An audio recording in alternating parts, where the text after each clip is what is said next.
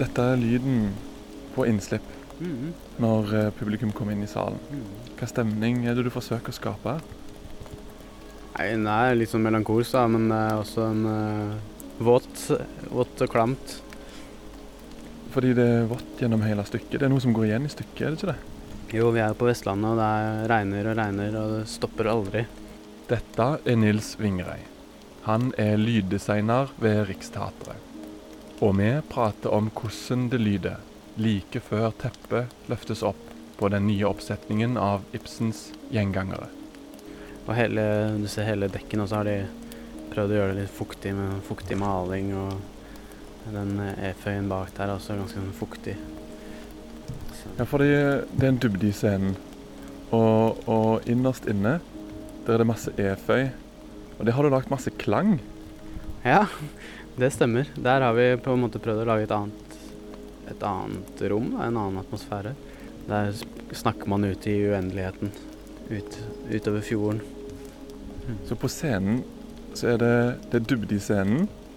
Til lengre bak du går, eh, eh, til lengre bort ifra publikum kommer du. Men det er jo dybde i lyden. Det er det også. Så det er en slags eh, videreføring av det vi ser. I lyd. Og så når publikum har eh, satt seg, så må du markere at stykket starter. Stemmer. Hva har du tenkt da? Nei, bare å rive litt i folk og rette oppmerksomheten mot scenen. Da, med, da har vi funnet eh, Regissøren Bentheim og jeg sammen har funnet eh, en, eh, et cellostykke. Vi kan høre det hvis du vil. Ja.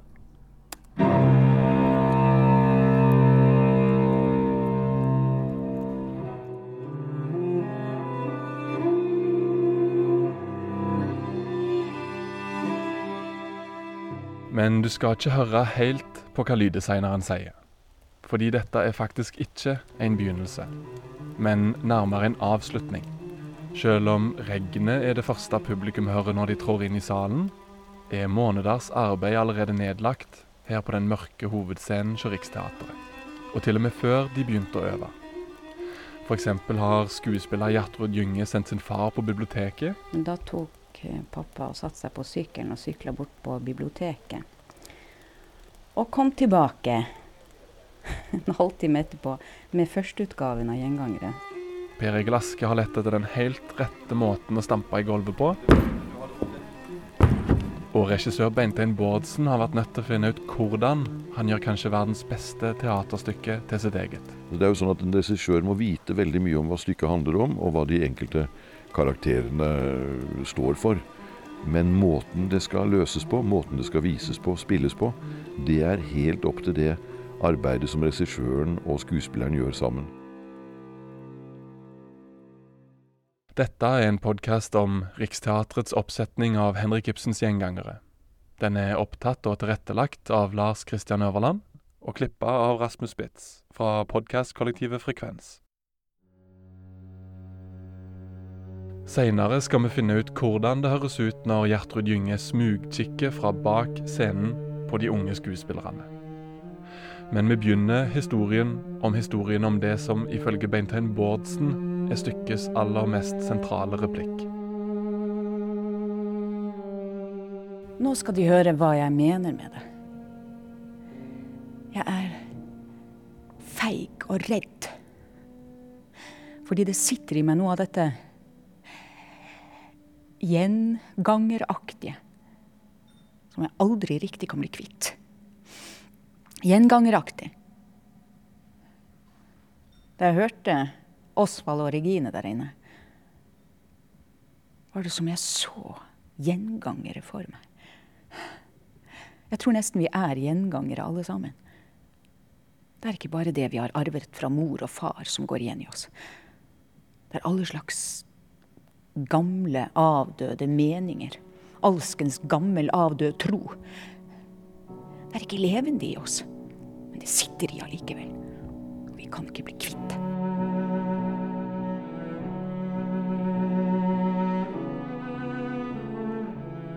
Gjengangere er på sitt vis et enkelt stykke. Det er kun fem personer, en enkel scene, og det regner hele tida. Og den viktigste handlingen har allerede foregått. Sjøl herr Alving, som man kanskje kan kalle en slags hovedperson, har ikke en eneste replikk. Han er nemlig død. Nå er hans sønn Osvald vendt hjem til sin mor fru Alving, men gjensynsgleden blir utfordra av fortida. Osvald er nemlig alvorlig syk. Sjøl tror han at det er hans utsvevende kunstnerliv i Paris som har innhenta han. Men i løpet av stykket blir det klart at det ikke skyldes hans egne synder, men hans fars. Det er likevel ikke mennene i Gjengangere som er de viktigste karakterene, forklarer Bentein Bårdsen. Det er jo et av verdens mest berømte skuespill. Og eh, Ibsen sa selv at man må se gjengangere i perspektiv av et dukkehjem. Han skrev et dukkehjem to år før gjengangere. Og det handler jo da om kvinnen, eh, hustruen, moren, som forlater eh, sin mann, sitt hjem og sine barn for å realisere seg selv. Men i gjengangere så handler det om en kvinne som ikke går, som ikke drar fra hjemmet, selv om hun lever i et ulykkelig og et grusomt ekteskap. Hun velger å bli, valgte det, og bygget en slags mur av fasade rundt seg for å fortelle verden hvor vellykket hun var, til tross for at ingenting i ekteskapet fungerte. Og da viste jo eh, Henrik Ibsen hvor forferdelig det gikk, den kvinneskikkelsen. Men, men, det som jo også er fantastisk med stykket, er at det har flere temaer. Det er maktkamp, maktbruk, maktmisbruk. Eh, kampen om barna, eierskap for barna. Det handler om skjulte problemer i hjemmet, alkoholisme, incest. Altså alle temaer som står, det, det står daglig om i de norske aviser i dag. Så det er jo like aktuelt, dessverre, som da det ble skrevet for 100 år siden. Disse temaene som, eh, som Ibsen tar opp i stykket, går det an å gjøre det om til noen spørsmål som fortsatt er aktuelle i dag? Han, han, han, gir jo ikke noe svar, Ibsen. Alle stykkene hans ender vel med et spørsmålstegn. Kunne dette vært unngått? Kunne man ha gjort noe annerledes? Hva bør vi gjøre bedre? Så jeg opplever at hele forfatterskapet til Ibsen er av den beskaffenhet at du på en måte forholder deg til mennesker av kjøtt og blod. Og mennesker av kjøtt og blod er kompliserte, er sammensatte. Det fins ikke noe entydig svar. Det fins kanskje flere svar. Men det viktigste for ham er jo å spørre, ikke å svare. Det sier han jo selv. Eh, og hvilken spørsmål er det han stiller, da? Hva er meningen med livet? Hvordan skal vi leve sammen? På hvilke premisser skal vi leve? Hva koster det å leve sammen? Hva koster det å forholde seg til hverandre? En ting som er viktig, det er jo at Ibsen hele tiden han, han setter spørsmålstegn ved, ved, vedtatte normer og ideer.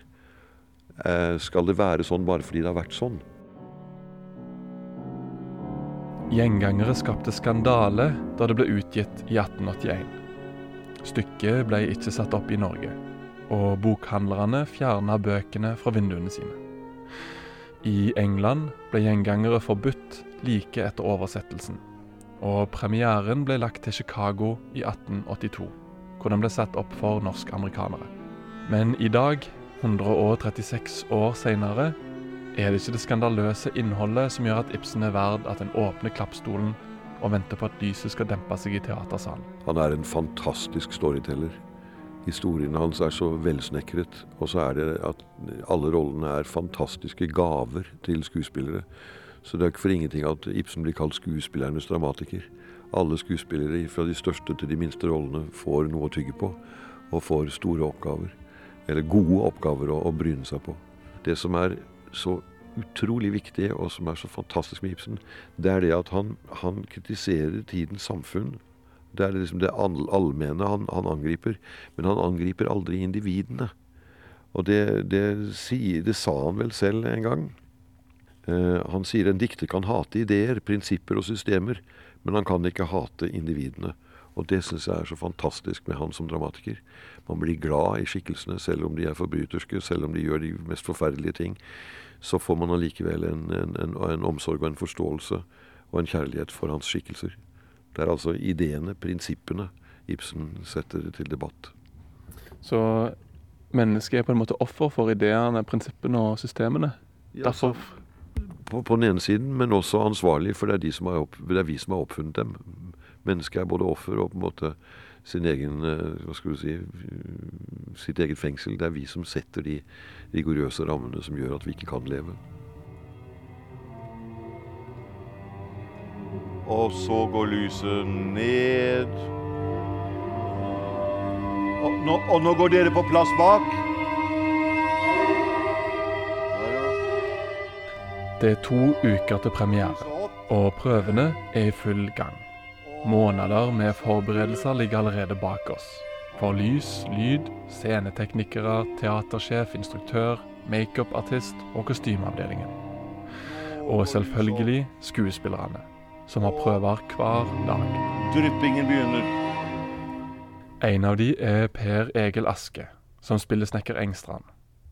Han sitter på en gammel stol backstage og lener seg fokusert fremover for å knytte skoene sine før han skal inn på scenen.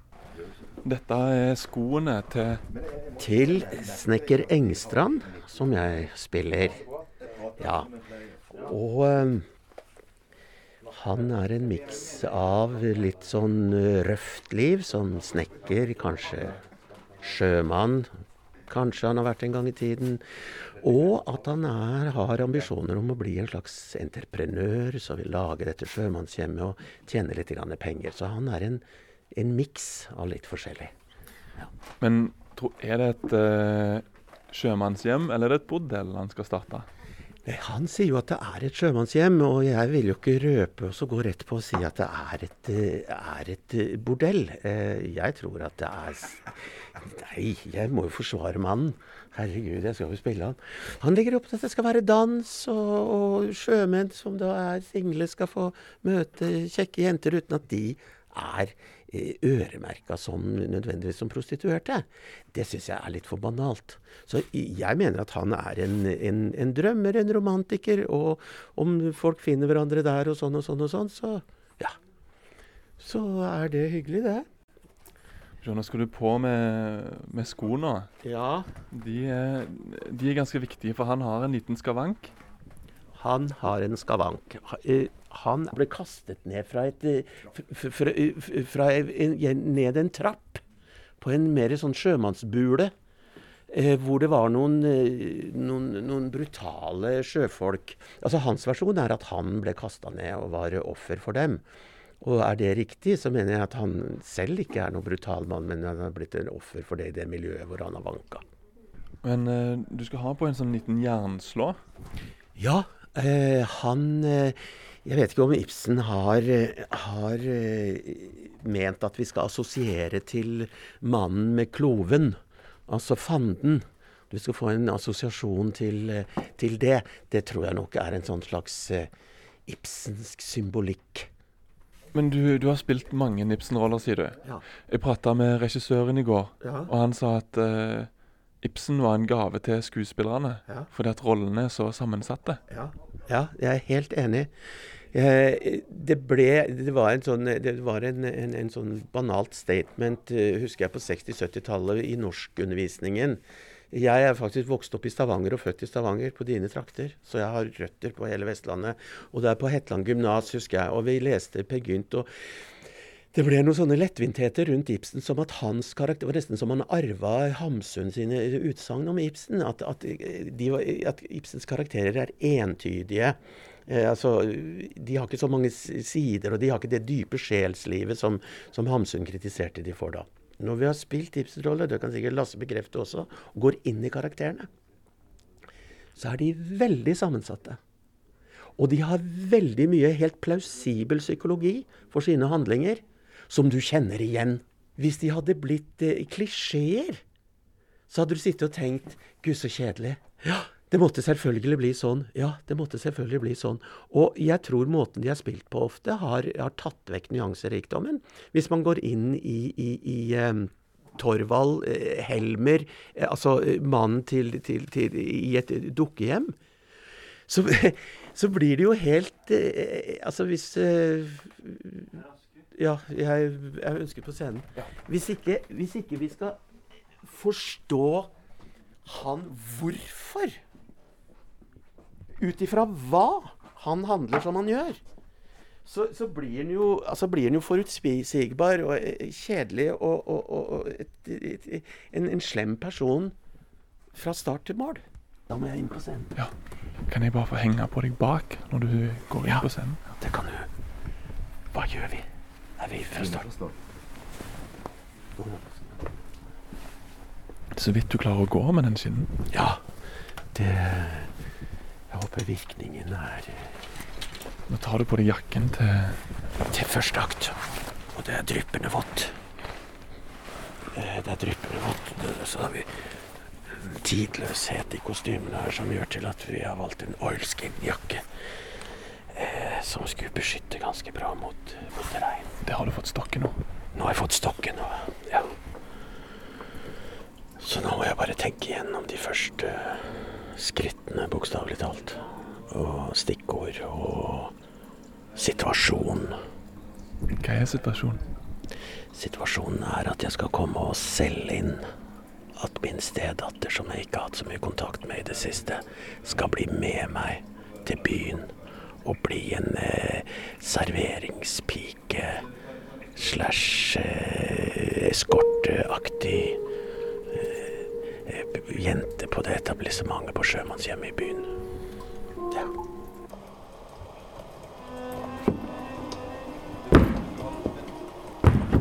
Hva er det du vil? Bli stående! Det drypper jo av deg. Det er Vår Herres regn, det, barnet mitt. Det er fandens regn er det. Men jøss, som du snakker da, Regine. Det jeg ville si, det var eh, Stamp ikke sånn med den foten. Den unge herren ligger og sover ovenpå. Jeg som har vært nesten som et barn. Jeg som er oppvokst hos fru Alvik, får du meg med. Det her ser jo nesten ut som en sånn Hva er det for noe? Det ser nesten ut som en faksmaskin som du kan sitte på bakrommet og lytte til. Jeg som har vært Så, nei, jeg sitter jo bare, men de, de går så mye tilbake, frem og tilbake, så det blir Ja. Lasse Lintner, eller pastoren om du vil, sitter på bakrommet med én finger på høyttaleren som bringer lyden fra scenen til bakrommet. Han har et rolig drag over ansiktet med det hvite skjegget, og et par snille øyne som hviler på teksten som han skal snart fremføre. Kan jeg bare begynne med det vanskeligste spørsmålet av de alle? Eh, hva, hva heter du for noe? Jeg heter Lasse Lintner. Og du spiller rollen som Pastor Manders. Fortell meg litt om han. Pastoren representerer eh, eh, samfunnet og samfunnets normer og regler, og han eh, han står for fasaden som man ønsker å vise frem for omverdenen. Nå, nå sitter du her med, med brillene og en, fått deg en god, varm kaffekopp, og så med manuset foran deg. Yeah. Hvor, hvor er du i manuset nå? Jeg så du nettopp jobba med suffløren. Ja, vi er for på for litt forskjellige steder. For det er enkelte eh, småord. I- Ibsen er veldig eh, Man må være veldig nøyaktig med Ibsen, for eh, der er små hemmeligheter overalt. Og det som tilsynelatende ser enkelt ut, er som regel ikke det. Der er som regel én bunn under, og kanskje enda en bunn under der igjen. Og det er små nyanser, altså. Kan du, kan du vise oss litt hva du jobber med akkurat nå? Ja, det gjelder jo eh, at jeg sa kvinnene går hjem til deres lovlige ektefelle. Da de kom til meg forvillet og ropte 'Her er jeg. Ta meg', var det en forbrytelse. Eh, den replikken inneholder egentlig veldig mye på veldig kort tid. Og eh, men den skal allikevel høres uh, muntlig ut. Men den rommer Den rommer veldig mye av, av hans uh, følelsesliv. Eller mangel på følelsesliv. han har jo fornektet gans, ganske mye. Seinere i stykket så kaller han det sin største seier. Ja, det sier han uh, like før, faktisk. Hun, hun sier det var det, det ynkeligste ned, nederlag. Nei, det var min største seier. Seieren over meg selv. Kan du, kan du forsøke oss å lese replikken, så, sånn som du sånn som du eh, fanger han nå? Det var mitt livs største seier, Helene. Seieren over meg selv.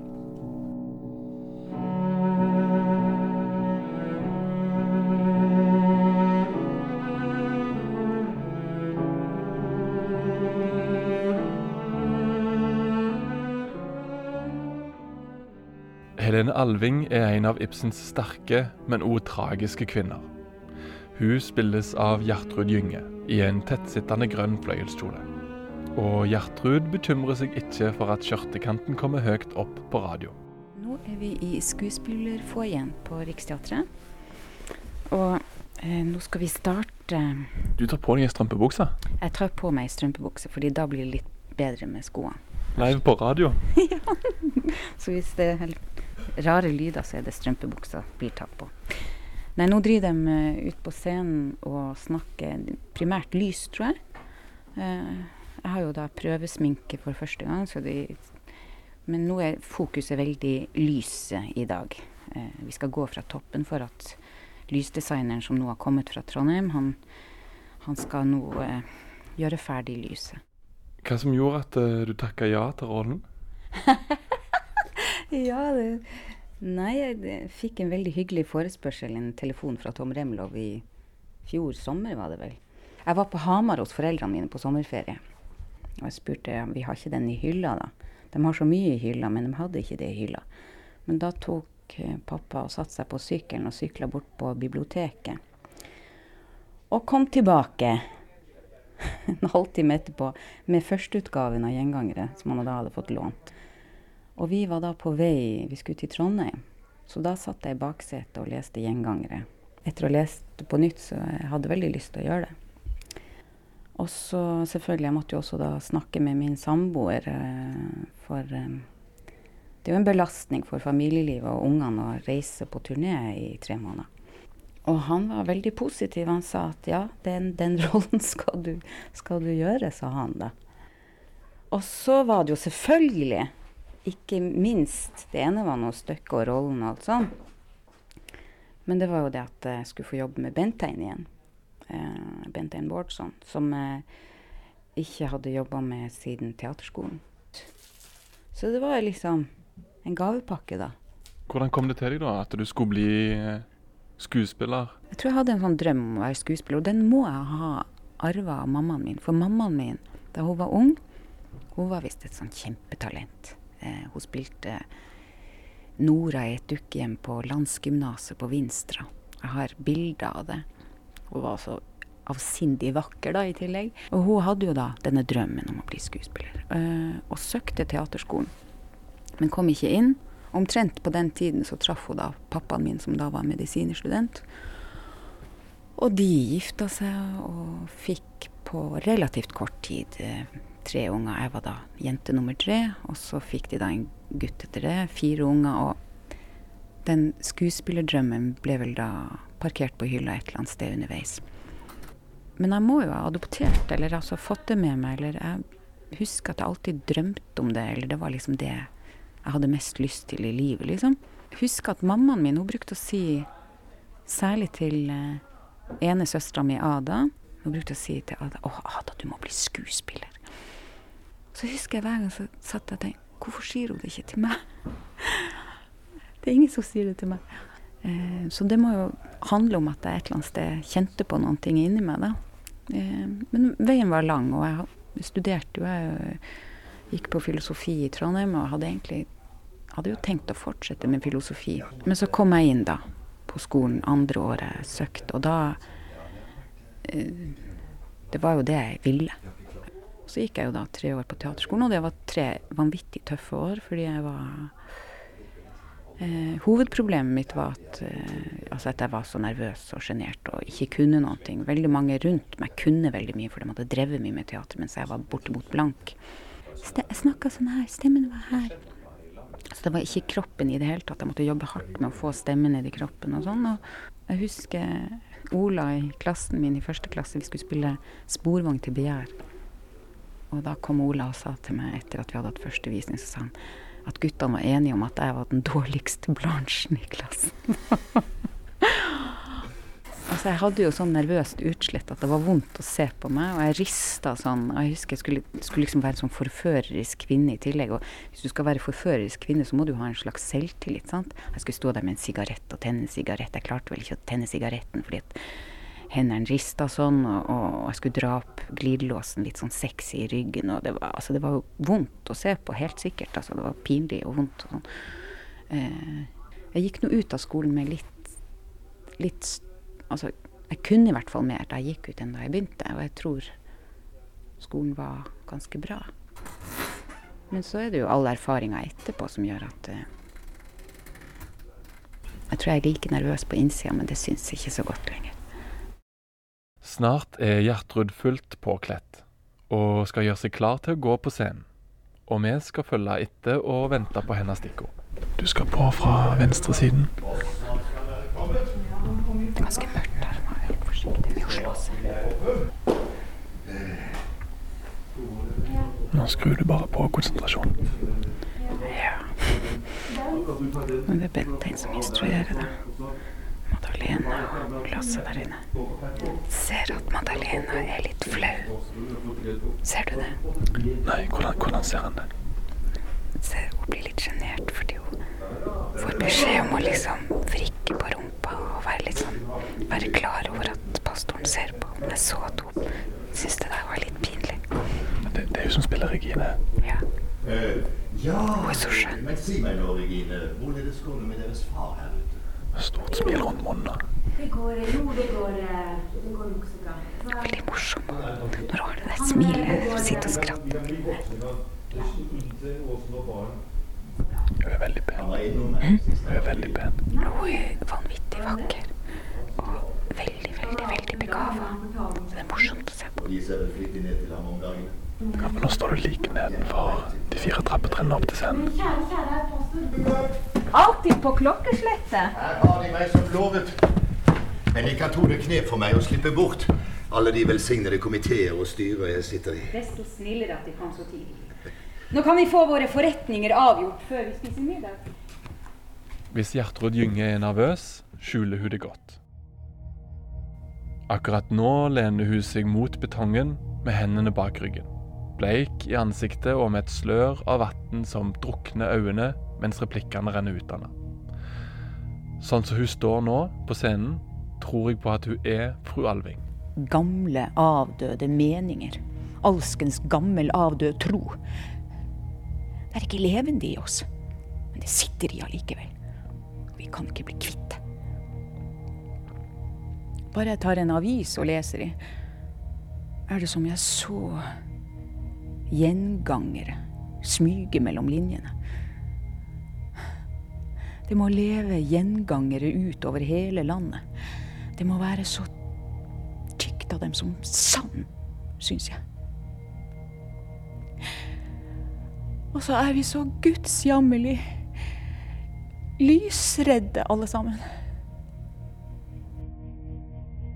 Enhver skuespiller har jo det marerittet at man Altså faktisk et mareritt liksom, som man drømmer på natta.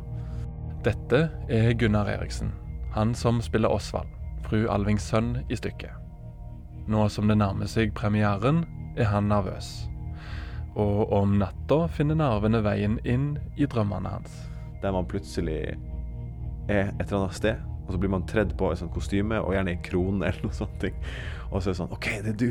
Og så bare skyv deg inn. Eh, og det, det drømmer jeg støtt og stadig. Men veldig ofte så er det sånn spelaktig eh, omgivelser.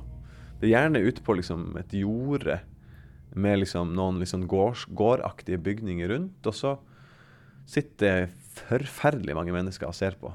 Og det som jeg alltid, som jeg alltid eh, bruker som eh, taktikk, altså min, min escape fra, eh, fra det her marerittet, det at jeg begynner å grave, grave et hull i bakken hver eneste gang. Eh, så, og, og, mens, jeg, mens jeg sier liksom det, ah, mm, åh, som jeg mm, lager sånne store lyder eh, som jeg tenker for, jeg har veldig ofte ei krone på meg. Jeg vet ikke hvorfor, men det er sånn, du er, altså jeg spiller visst en eller annen konge eller noe da. Så da lager jeg liksom kongeaktige lyder, tror jeg. Mens jeg prøver å grave meg ned. Og veldig ofte så graver jeg meg, og så tror jeg at jeg gravd meg veldig langt, og så graver jeg meg opp, og så har jeg gravd meg kanskje to-tre meter, og er bare litt nærmere publikum. I stykket blir Osvald offer for hans fars synder, men det betyr ikke at han sjøl er utelukkende god. Han forsøker å utnytte Regine, og foruten å være dødssjuk, er han ganske sjølsentrert. Ibsens personer er komplekse, og nettopp derfor egner de seg til kammerspill. De seismiske rystelsene inne i Osvald, fru Alving og pastor Manders gjør dermed jordskjelv og eksplosjoner overflødige. Regn som drypper, er nok.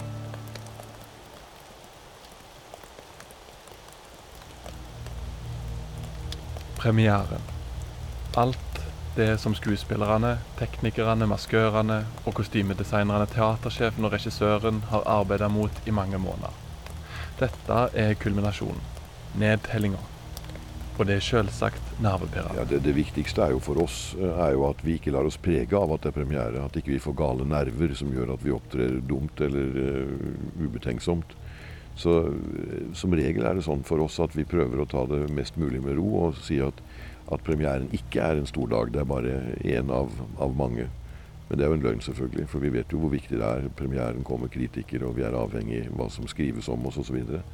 Men, men stort sett så opplever jeg at vi forsøker å opptre så normalt som overhodet mulig. Men presset er jo stort på skuespillerne. og Det er klart at de skal huske all teksten, de skal huske alle arrangementene sine. Det står mye på spill. Jeg tror Når det går galt, så er det ikke morsomt for oss, selv om det kan kanskje virke sånn for noen publikummere. Men uh, går noe galt, så er det ikke moro. Da er det en katastrofe.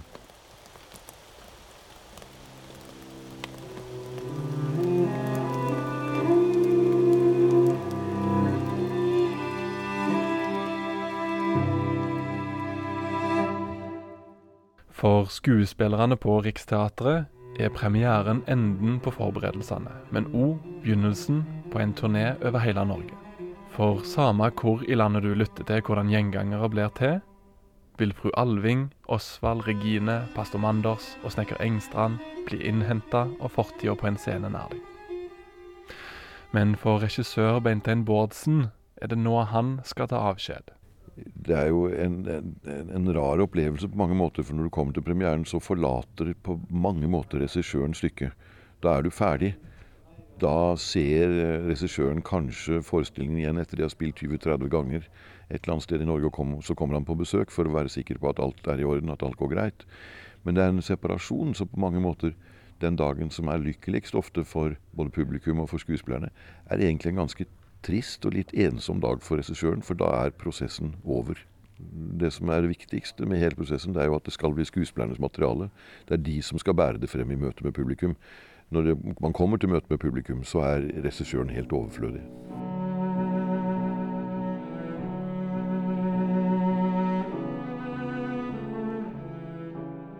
Du har lytta til Riksteatrets podkast 'Bakenfor gjengangere', hvor vi har vært med bak scenen under prøveperioden i Nydalen. Riksteatret er hele landets teater, og spiller på 70 kulturhus over hele Norge. En ekstra takk til lyddesigner Nils Vingerei for lyd og musikk til podkasten.